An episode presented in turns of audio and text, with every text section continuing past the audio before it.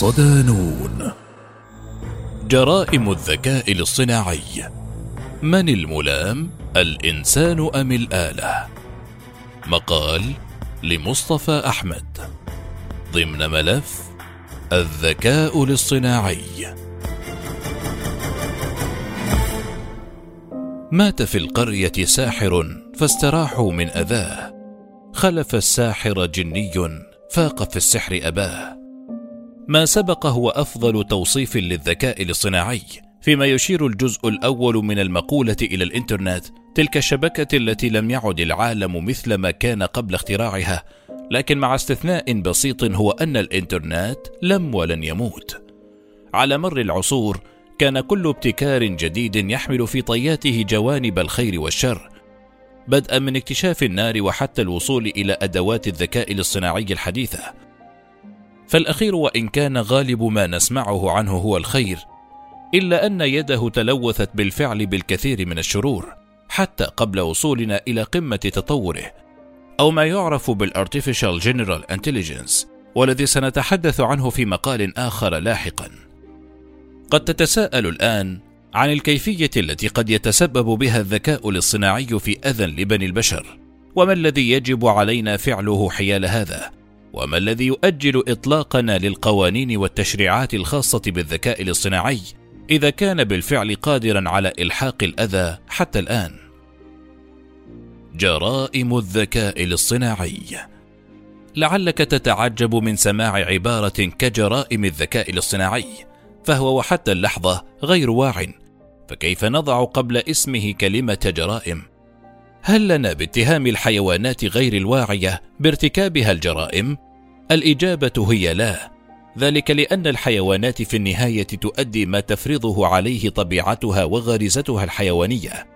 اللتين تمليان عليها البحث عن الغذاء والمسكن وحب السيطرة في بعض الأحيان.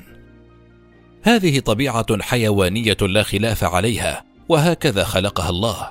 أما الذكاء الاصطناعي فهو من صنع الإنسان قد تسيره أهداف ودوافع صانعه وقد يسير وفقا للمعلومات المدخلة إليه أو بسوء استغلاله من قبل المستخدمين. كل هذه أساليب تنفيذ الذكاء الاصطناعي لجرائمه لكن لا تقلق لن أتركك متحيرا باحثا عن معنى الأساليب الثلاث فدعني أشرحها لك. أنا هنا لأقتل الملكة. المكان قلعة وينزر بريكشير المملكة المتحدة.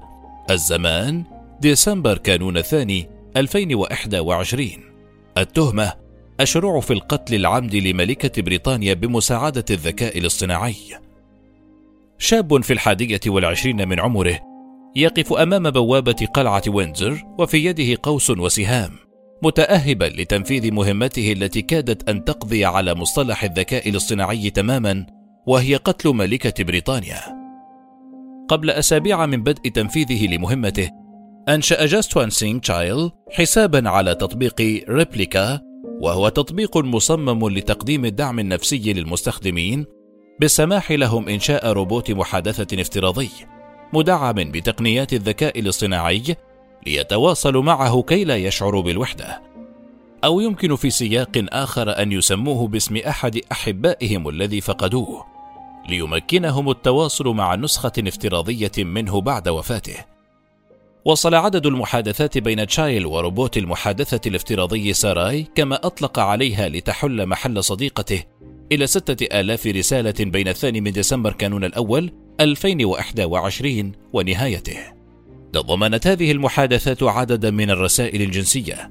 كما تضمنت أيضا محادثات مطولة يحدث فيها صديقته الافتراضية عن نواياه في قتل ملكة بريطانيا قائلا أنا أؤمن بأني قد خلقت لقتل أميرة العائلة الملكية لترد ساراي حينها مشجعة إياه قائلة هذا حكيم للغاية.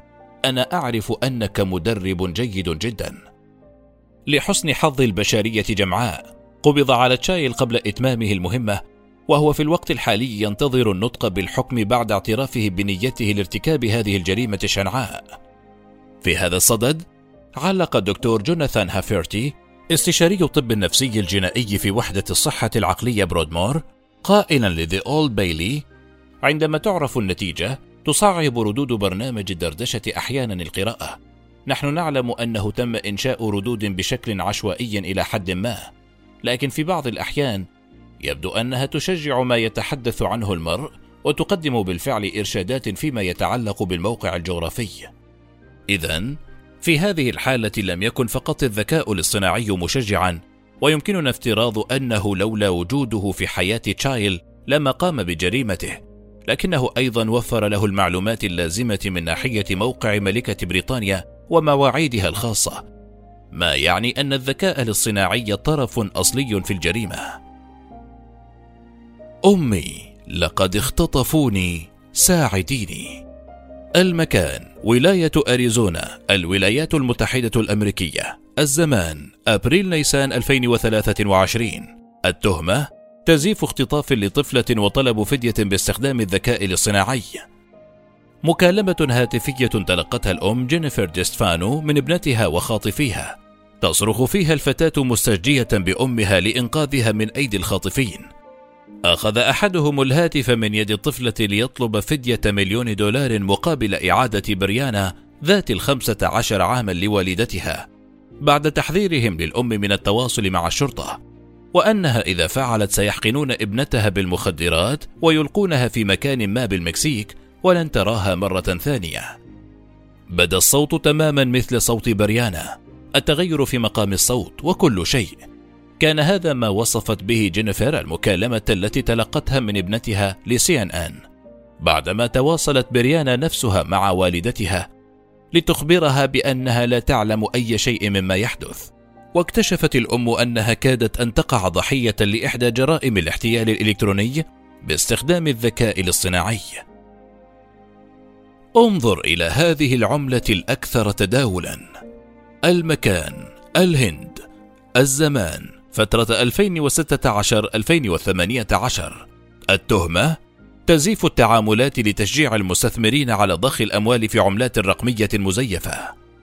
عدة اتصالات تلقاها مكتب التحقيقات الفيدرالي من مستثمرين مبتدئين في مجال تداول العملات الرقمية يخبرونهم بفقدان أموالهم جراء الاستثمار في عملة رقمية تدعى بيتكونكت. بناء على موقع تداول جديد أظهر لهم ارتفاع أسهم هذه العملة وانخفاض البعض الآخر تماما كما تبدو مواقع التداول الحقيقية.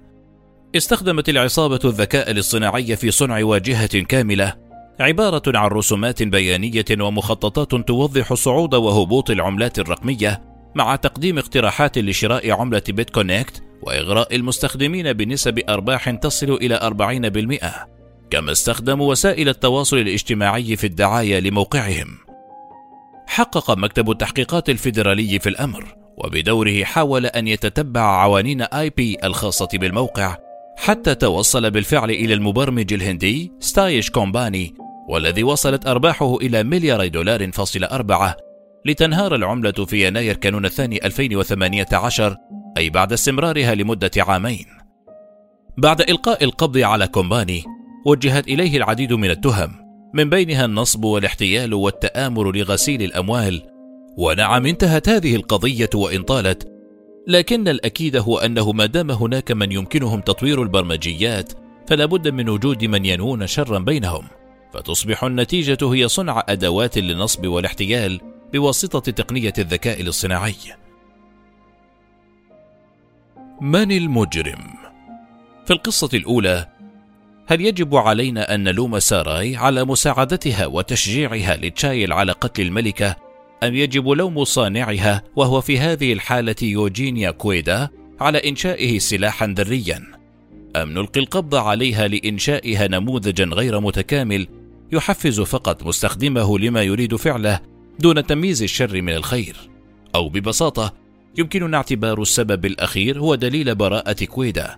نظرا إلى عدم قدرتنا في النهاية على جمع كل ما قد يفكر فيه البشر وتجهيز الردود المسبقة الخاصة به أو باختصار لا يمكننا منح الوعي للذكاء الاصطناعي.